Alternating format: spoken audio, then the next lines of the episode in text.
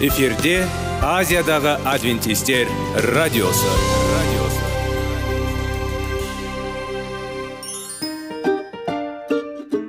Сәлем достар. Денсаулық өмір бұлағы және біздің бірінші байлығымыз демекші денсаулық сағаты рубрикасына қош келдіңіздер.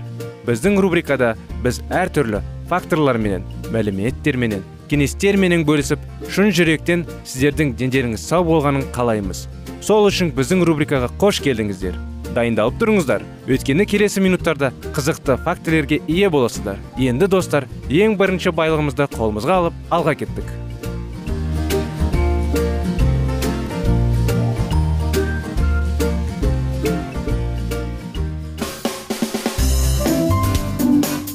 Денсаулық туралы хабар. Денсаулықтың ашылуы. Күн сайын сөз үшін күшті кеңестер соңғы жаңалықтар қызықты факторлар. Біздің рубрикада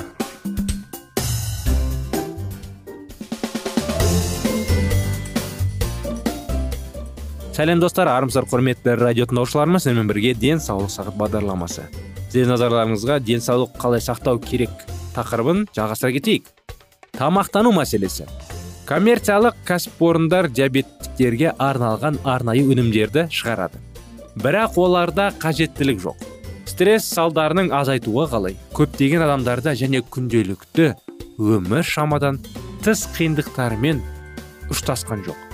Алайда төтенше жағдай туындаған кезде біз өзімізді мүлдем басқаша жүрезіміз кейбіреулер қиындық пен қауіптерді еңсеруге қабілетті. Ал басқаларында тек қолдар түседі. Тек қана ерте жастық шақтан аз ғана өз тәжірибемізді өмірді таниды.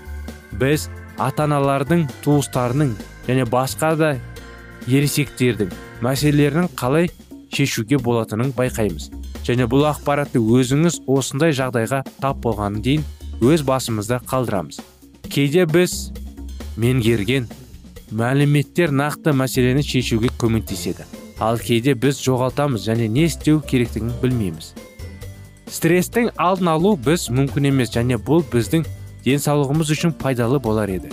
Стресс факторлар немесе стрессталар бізді өмірді сақтап өз қажеттілігімізді толықтыра алатын ынталандырушы күш ретінде қызмет етеді. Сондықтан осын біз ауырып немесе тіпті өлер едік. Осылайша біздің қарастыруымыздың мәні стресс емес бірақ біздің физиологиялық және психикалық тепе теңдікті бұзатын және бізге көп бет тудыратын дистресс болуы тиіс. Біз алған барлық ақпарат әдетте және ерекше сұраптайтын сезім органдары арқылы өтеді.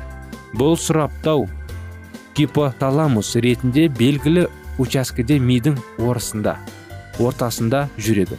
Егер қандай да бір бірегей емес әсерге немесе реакцияға қажеттілік туындаса гипоталамус гипофизді белсенділеді. Ол өз кезегінде адренокарти котропный гормонды шығарады. Актг бүйрекі екі бүйрек үсті безін іске қосады. Олардың қабығы кортикостероидтар ал олардың ішкі қабаты адреналин және жаңағындай ел халқалық реналин бұл заттардың ағзаға аралас әсері бізге стрессті жүйеге көмектесетін қажетті физиологиялық өзгерістерге әкеледі. Таныс жағдайды қарастырайық және оның мысалдарында ағзаның тиісті реакциясын бейнелейміз. Бала кезінде түнде серуендеуге тура келмейді. Бірақ бұл күні бір күні. Жарықтандырылған орынды қалдыру және қараңғыға шығу қажеттілікті пайда болады. Не айтуға болады? Сіз аздап қорқасыз болмаса қорқатсыз. Сәл жел бұталардың жапырақтарымен көтерілген сіз сияқты біреу сізге секіруге дайын болғанын көрінеді. Сіз бұл туралы ойлаған кезде тыныс алу және жүрек соғу жиіледі. Сіз суық терге тастайды. Сіз дірілдейсіз. Сіздің ағзаңыз белгілі бір жағдайға әсер ету үшін физиологиялық дайындалған.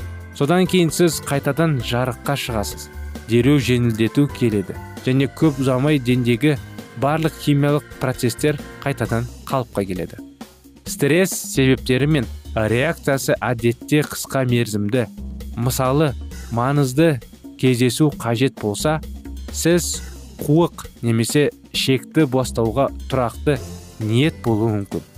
Және бұл қалыпты реакция. Ағза дағдырыспен бетпе бет келеді. Сондықтан стресстік жағдайға толық жауап беру үшін өзінің әдетті функцияларын бір бөлігін уақытша тоқтатады. Мұндай стрессті көтеру және нормаға жылдам орылау уақытша эмоциялық жағдай деп аталады. Денсаулыққа байланысты қиындықтар егер жауап реакциясы азаймаса және біз осындай жағдайда ұзақ уақыт қаламыз. Біздің ағзамыз стресске жауап ретінде бөлінетін химиялық заттардың ұзақ уақыт әсеріне ұшырайды. Ол қорғаныш емес жойғыш болады және гипертония жүрек жеткіліксіздігі қант диабеті және артрит сияқты аурулардың пайда болу себептерінің бірі болуы мүмкін. Жедел немесе созылмалы түрде. Біздің қабылдау біздің қандай да бір жағдайда қабылдауымыз маңызды. Себебі оған біздің жауап реакциясы көп жағдайда байланысты. Міне сондықтан құтқару қызметінің қызметкерлеріне төтенше жағдайларды тәжірибе жүзінде және үлгілеу қажет. Ерекше жағдайларға үйреніп олар кәсіби тыныштықпен әрекет ету мүмкіндігіне ие болады. Біздің қандай да бір оқиғалар біздің өмірлік тәжірибемізге негізделген. Неге бір адамдар шығады? Күрделі ережелер ал басқалары қолына түсіреді. Біздің мықты және әлсіз жақтары біздің өткенімізге қандай да өмір салтын жүргізгеніміз және қандай тәжірибені жинақтағанымызға байланысты анықталады. Көптеген пайда басқа әлемде кейбір уайымдауды қарастыру қабілетін әкелуі мүмкін. Ол белгілі бір жарылау қаупі бар. Жағдайлардың өткірлігін алып тастауға және дистересті болдырмауға мүмкіндік береді. Стресстен қорғау. Айта кеткенділікке кетерлігі стрессті болдырмау мүмкін емес. Иә бұл қажет емес. Дистресстің алдында қандай шаралар болуы мүмкін? Бұл жағдайда ең көп көмек теңдестірілген диета мен дене жаттығуларын көрсетуге болады. Ежелгі римдіктер салауатты рухтың діні сау денде болатынын бір біріне еске түсірмеді. Ең алдымен біз нерв жүйесін нығайтатын в витаминімен және иммунитетті күшінетін с витаминін қамтамасыз ететін тамақтың жеуіміз керек. Ол мав организміне жаңағы организмде ағзадағы метаболизмнің бір бөлігі ретінде в витаминін пайдаланады. Өйткені біз мүмкіндігінше қан тудуына аулақ болу керек. Алкогольден темекіден және басқа да есірткіден бас тарту бізге өз миын сау күйде ұстап тұруға көмектеседі. Мінекей осындай анықтамалар сіздердің назарларыңызға. Құрметті достар осымен бағдарламамыз бүгінгі күнде аяғына келді. Келесі жолға дейін сау болыңыздар.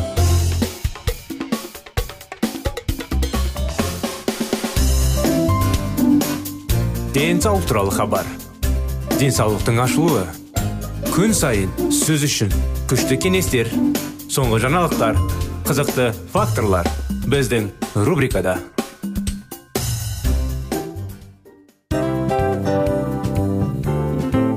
Әуелі байлық денсаулық екінші байлық он саулық үшінші байлық ақ жаулық ал енді осындай радио парақшадан кейін не дейміз?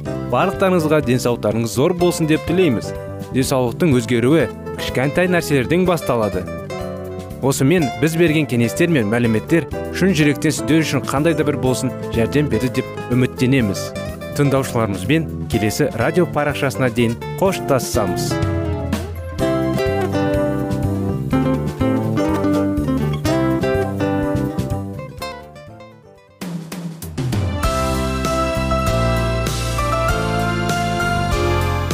эфирде азиядағы адвентистер радиосы.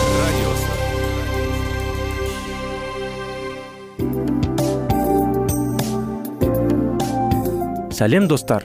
Барлықтарыңызға шын жүректен сөйлесек рубрикасына қош келдіңіздер деп айтпақшымыз. Шын жүректен сөйлесек бағдарламасы әртүрлі қызықты тақырыптарға арналған. Шындығында шын жүректен сөйлесек деген сөздің мағынасы екі достың екі адамның ортасындағы шын жүрекпен сөйлесуі бір біріне сенуі ашықтық пен шындықты білдіреді. Сол үшін біздің бағдарламалар әртүрлі қызықты тақырыптарға арналған. Дайындалыңыз жаңа қызықты мәліметтерге ие болуға. Ондай болса кеттік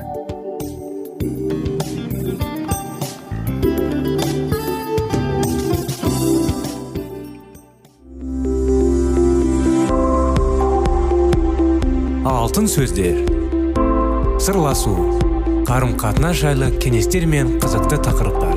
Шын жүректен сөйлесейік рубрикасында.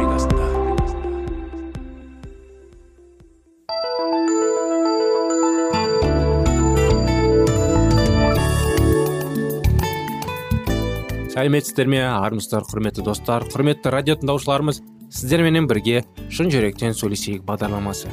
Өткен жолы аяқталмай қалған оқиғамызды жалғастыра кетсек ол қуанышты оқиғалардың анықтамасында оның алдында сіздермен бірге балан жүрегіне бес қадам тақырыбын бастаған едік. Соның бәрі бір тақырып болғанымен де қазіргі тәжірибелі нағыз өмірден алынған оқиғалар жайлы баяндап жүрміз сіздерге. Соны жалғастыра кетсек естеріңізде болса өткен жолы берік жайлы беріктің жанұясы жайлы. Әкесі жанұясын тастап кеткен еді. Берік анасымен қалды. Анасы қайғы күйіктің бәрін қойдыру үшін әрине басу үшін ішімдік ішетін. Сонымен әрдайым баласына уәде беретін ішпеймін деп бірақ бәрі қайталанады. Міне бүгін де солай болды. Берік салқын консервінің қалдығын жеді де сабағын оқуға кірісті. Ол математика сабағын ақсатып алға ашады. Соның орнын толтырмас болмайды. Үш түн бойы жақсы ұйықтай алмайды. Мектепте ұйқысы қанбай барған ол тақтаға шыққанда мырдымды жауап бере алмағанды. Тоқсан аяғындағы қорытындыға үштік шықпақ қалмас жарар еді. Бала оқу үлгерменің нашарлықсы келмеді. Ол сабақты жақсы оқып өскенде ұшқыш болуды армандайды. Берік өзінің балалық қиялында жарқыраған әдемі ұшқышқа отырып аспанның ұшар биігіне көтеріліп осы қаладан алысқа самғай ұшып кетсем деп армандайды. Оның ұшағының айналасында үлпілдек қаз бұлақ бұлттар қалып жүреді. Сол бұлттардың арасынан мүмкін күмістей жарқыраған жұлдыздарды көрсем деп те қиялдайтын. Егер мамасы келіссе оны да өзімен бірге алып ұшпақ. Сөйтіп олар бір қаладан алыс жерге ұшып кетеді. Мүмкін сонда мамасы папасын ойлауын арақ ішуін қоятын болар. Өстіп жүргенде ол әлі де бір қаһармандық ерлік ісімен көзге түсіп оның бұл ісі туралы газеттерде мақала жарияланды. Газет бетіне ұшқыш формасын киген беріктің әдемі суреті болсын да сонда әкесі баласы туралы естіп білетін болар. Содан кейін әкесі мамасы екеуінің кешірім сұрайды. Бөтен қыздар мен балаларды өз үйлерінде қалдырып бізге қайтып оралады. Мамасынан кешірім өтініп оған гүл шоғын сыйлайды. Ал берікке балмұздақ сатып алады. Берік те әкесінің қылықтарын кешіріп онан да көгілдір ұшаққа отырғызып өзінің балалық арманына тамаша қалаға бірге алып кетеді. Ол жерде бақытты жанұя алаңсыз өмір сүретін болады. Үстелдің үстін жинастырып жүріп берік осындай қиял еркіне беріліп арман көгінде қалықтағандай болды. Енді көшеге барып ойнап келуге болады. Ал мамаң ұйықтай берсін. Бала үстіне күрестің киіп енді далаға шығайын деп тұрғанда есіктің қоңырауы шыр ете қалды. Есікті ашқан еді. Ар жағында өзінің сынып жетекшісі айша апай тұры қатандау көрінетін бір бөгде әйел жақсы киініп алған екі ер адам үйге кірді. Айша апай берік біз сендердің үйлеріңді бір жұмыспен келдік. Мамаң үйде ме? Үйде деп жауап берді берік. Осы жерде мамасының қандай үйде екендігі есіне түсті деп ұялғаннан жерге кіре жаздады берік осы кезде мамам шамалы науқастанып қалған еді. Қазір ұйықтап жатыр. Ол кісіні қазір мазалығы болмайды. Ертең келсеңіздер деп мінгерлеп қонақтар дағдарып бір біріне қарасты да дәл осы мезетте төргі бөлмеден мастан тартқан шешесінің қарылған даусын естілді. Не болды ұлым? Сен қайдасың? Антұрған сөйткенше болмай жаңағы келгендердің қасына шешесі жетіп келді. Оның түрі адам көріксіз еді. Ұйпа тұйпа таралмаған шашы жалаңаш иықтарының жауып тұр. Қыртыстаған кір халаты алқа салқа көнектей болып ісіп кеткен көздерін ажырайтып көргендер көзілі қарайды. Сендер кім боласыңдар сендерге не керек? деп айқай салды ол. Бала әрі ұялғаннан әрі қорыққаннан айша апайдың иығынан басын қойып тұрып жылап жіберді. Мұғалім баланы жұбатқан болады. Содан кейін қасындағыларға бір нәрсе айтты да берікпен бірге далаға шығып кетті. Шешесі олардың артынан аузына келген боқтан сөздерін айтып балағаттап жатты. Подъездегі қызық құмар көршілер естіктерін ашып көргендеріне таң тамаша қалысты. Шешесінің бұл қылығы беріктің енесін еңсесін түсіріп жанына батты. Берік жүр біздің үйге деді айша апай. Бүгін біздің үйде боласың. Менің сенде жұмысым бар еді. Жүр кеттік. Екеуміз математика пәнімізді шұғылданамыз. Жоқ бара алмаймын. Шешемді қалай жалғыз тастап кетемін? Ана адамдар кімдер? Біздің үйге жүресінші содан соған бар жайды айтып түсіндіремін. Жақсы барсам барайын. Ол беріктің келіскеніне қуанған сондай оның бетінен сүйіп алды. Ақылды мені мені осы жерде тоса тұр. Сенің портфеліңе барлық келейін. Ертең мектепке бірге барамыз. Мен жалғыз барып келейін. Әйтпесе сенің жібермей қою мүмкін. Мамаңа мен бәрін түсіндіремін. Трамвайға отырып айша апайдың үйіне келе жатқанда берік мамасын ойлап отырды олардың үйлеріне келген адамдар кім болды? деген деген сұрақ көкейіне кетпей қойды. Бірақ мұғалімі еш ренішсіз өзіне қарап мейіріммен күлімдеп қойып байсалды күйде отыр. Айша апайдың ақ жарқын мінезді күйеуі кішкентай екі қызы бар екен. Бүлдіршіндер алғашында балаға тосырқай қарағанмен бойлары үйлеріне келе оның қасынан айнала шықпай, шықпай қойды. Өздерінің салған суреттерін әкеліп көрсетті. Айша апай өз үйінде өте қарапайым көрінеді екен. Ал мектепте өзін мүлдем басқаша ұстайды ол үстел жайып оған дастархан мезірін қойды да берікті ас ішуге шақырды. Оның алдында тарелка толық қоймақ қосылған сорпа қойды. Тамағының жағымды иісінен беріктің басы айналғандай болды. Көженің дәмді болғандығы сондай ол қосымша тарелкадан бас тарта алмады. Самсамен шай ішіп отырған кезде өзінің туған күнін тойлағаның есіне түсті. Бұдан соң берік айша апамен бірге отырып математика сабағын дайындалды. Бағанағы әңгіме мұғалімі кейінге қалдырды. Берік ванна бөлмесіне барып жуынды да ақ шаңқандай төсекке барып жатты. Бала өзін ертегі әлемдегіне сезінді. Айша апай беріктің көрпесін қамтап жапты да төсек жанындағы орындықта келіп жайғасты. Мінекей осындай оқиға құрметті достар әрине жалғасын жалғастырамыз келесі жолы. Өте жүрекке тиетін оқиға. Сіздерге бақыт тілейміз. Алла жар болсын. Бағдарламамыз аяғына келді. Келесі бағдарламаға дейін сау болыңыздар.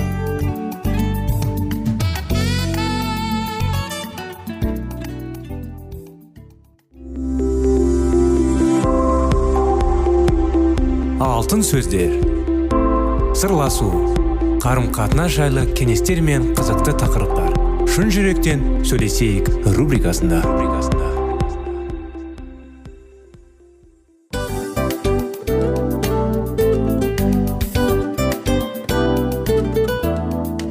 Құрметті достар барлық ең соңғы кеңестер аяқталған соң біздің программамыз соңына келіп қалды.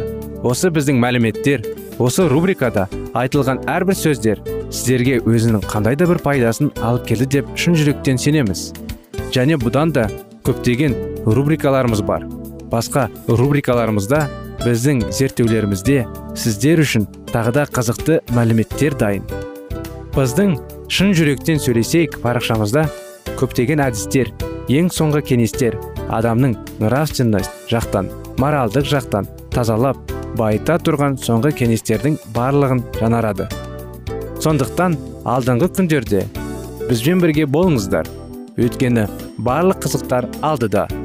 Бізбенен бірге болғандарыңызға үлкен рахмет. Келесі кездескенімізше сау сәлемет болыңыздар.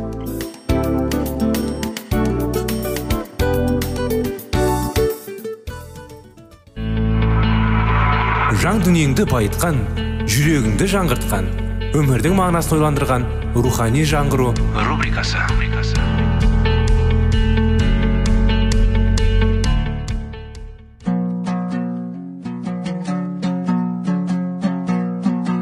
Ассалаумағалейкум біздің тыңдаушыларымыз. Келі кітаптың шындығын ашып берген қысқа бағдарламасына қош келдіңіздер. Барлығынан жоғары жаратушы біздің қарыңғылықта жалғыз қалдырып қойған емес. Өйткені ол келешекте не болу керек екенін кітаптың парақтарында ашып береді. Немесе келіңіздер бізге қосылыңыздар. Жаратушы бізге нен ашып бергенін зерттейміз. Ханзадалар бір бірімен келіссөз жүргізілгенше лютерге семнен шығып тұру бұйырылды. Лютердің соборға қарсы шығуы шіркеудің тарихына кері әсерін тигізу әбден мүмкін еді. Сол себепті лютер тағы да соңғы рет сеймге шақырылды. Бұл жолы оған қандай жаза қолданылса да оның римнің қойған талаптарын орындамайтыны айтқан сөздерінің бас тартпаймын белгілі болды. Мықтылардың мықтысы болып саналып папаның көсемдеріне қарапайым монахтың қарсы шығу оларды қатты қобалжытты. Лютер азапталып өлтірілсе ғана олардың ызасы басылатыны болды. Осыған қарамастан лютердің мінезі менменшілік ашушыландық байқалмады. Ал оның өміріне қауіп төніп тұрғанына қарамастан жүзінде қорқыныштың елесі де болған жоқ. Себебі оның арқа сүйре барлық жан иелерін жаратқан бүкіл ғалымның иесі иса мәсіх еді. Айтулы жиында қарапайым адамның тілімен құдайдың өзі сөйледі. Алланың сөзінің күші ешкімді немқұрайды қалдырады ма қалдыра алмады ханзадалардың біразы лютердің сөзінің шындық екенін мойындады. Олардың бір бөлігі бастапқыда реформаның сөзіне иланғанымен кейін одан бас тартты. Ал енді бір бөлігі ақиқатқа берілгендіктері соншалық кейін реформация ісінің қажыры қайраткерлеріне айналды. Лютердің сейімге шығуын алаңдай отыра күткен. Курфюрст фридтің оның сөзін қатты қобалжи отыра тыңдады. Өз елегіндегі азаматтың ерлігіне қазғып әр қуанған фридрих оны қорғауға бел билады. Қарсылаушы ақылдарының құдайдың даналығымен салыстырғанда жай ғана топырақ екенін айқын көрді. Папа жеңіске ұшырады. Жеңіліске ұшырағанымен және оның жеңілісі осы жерде ғана тамандалып қоймай барлық келесі ғасырларға тарайтын анық байқалды. Лютердің сөзін қайратын және оның көпшілікке қалайша әсер еткенін бақылаған ләгат римнің билігінің берік болатынына күмән келтірді. Сөйтіп ол барлық сөз шеберлігін пайдаланып қайдағы қайыршы монах үшін ұлы риммен достаған жойып алса қандай қауіпке душар болатынын жас императорға суреттеп берді. Легаттың сөзі императорға әсер етпей қойған жоқ. Келесі күні карл католиктер шіркеуін қолдап мұны қорғайтын жайлы уәде етілген шешім қабылдады. Лютер дегенінен бас тартпағаны үшін оның өзі де және оның ізбасарлары да қатты жазаға тартылатын болды. Өйткені ол таза мәсіхшілер дініне қарсы шыққан. Есалан мойына жастанынан жүрген нақұрас деп жарияланды. Мен бұл бұзақылардың көзін жою үшін өз билігімді байлығымды достарымды керек десе өмірімді құрбан етемін. Жексұрын монах көзіне көрінбей жоқ болсын. Оны және оның ізбасарларын типыл қылу үшін бар күшін салыммен десе де тағдыры түбегелі шешіліп болғанша. Лютер үйіне аман есен оралу үшін қорғау қағазы аз күшін жоймайтын болды деді император. Сейм қарама қайшы екі лагерге бөлінді. Папаның елшілері сенімен лютерден қорғау қағазы алынуы керек деп талап етті. Жүз жыл бұрын ян густың күлін қабылғандай рен оның күн қабылдап деп шулады.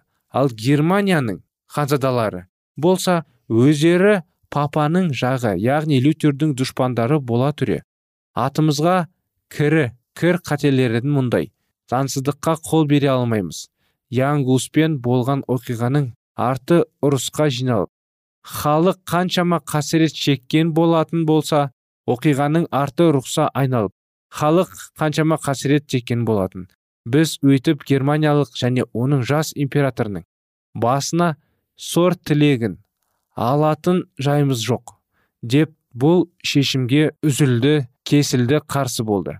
Лютердің жаулары императорды өз айтқандарына қаншалықты көндірген дегенімен император сигизмун секілді уәдемнен бас тартып абыройым айранды төке алмаймын деп оларды дегеннен көнбес қойды.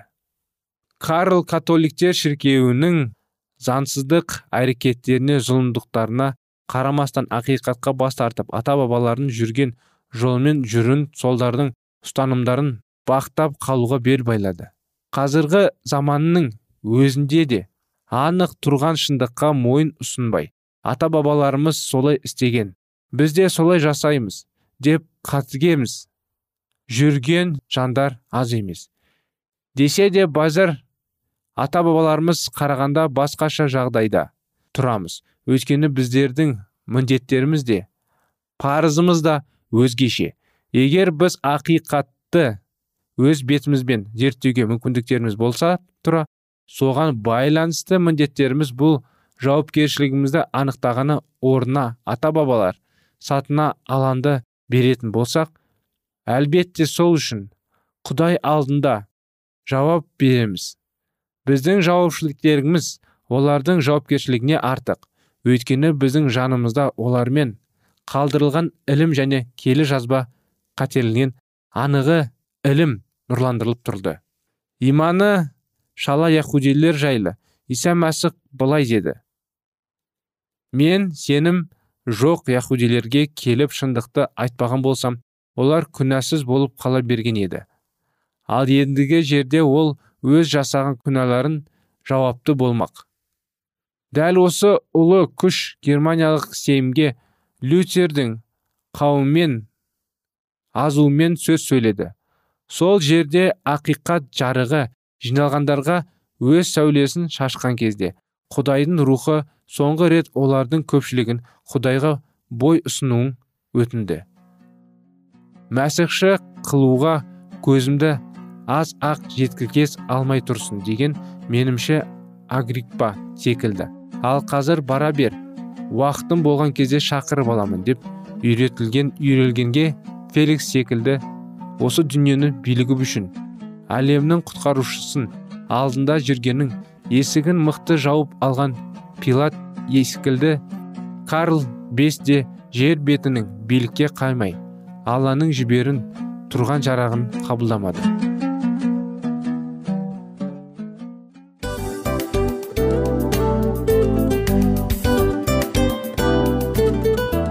Достар біздің радио парақшамыз өзінің соңына келіп те қалды. Демек бұл программамыздың қорытындысын айта кету керек. Негізі істің басталып жатқаның қуанту керек пе? Әлде оның қорытындысы қуанту керек пе? Сіздер қалай ойлайсыздар? Меніңше қорытындысы деп ойлаймын. Себебі жасаған ісінің жемісін көріп қорытынды арқылы бағалап жүрегін қуантады. Баяғыда айтқандай бидайды сепкенде емес бидайдың жемісін жинаған кейін ыстық нанды жегенде кәдімгідей рахаттанасың ғой. Осымен біздің бағдарламамыздың аяғында тыңдаушыларымыз қандай пайда алды екен деген ойдамыз.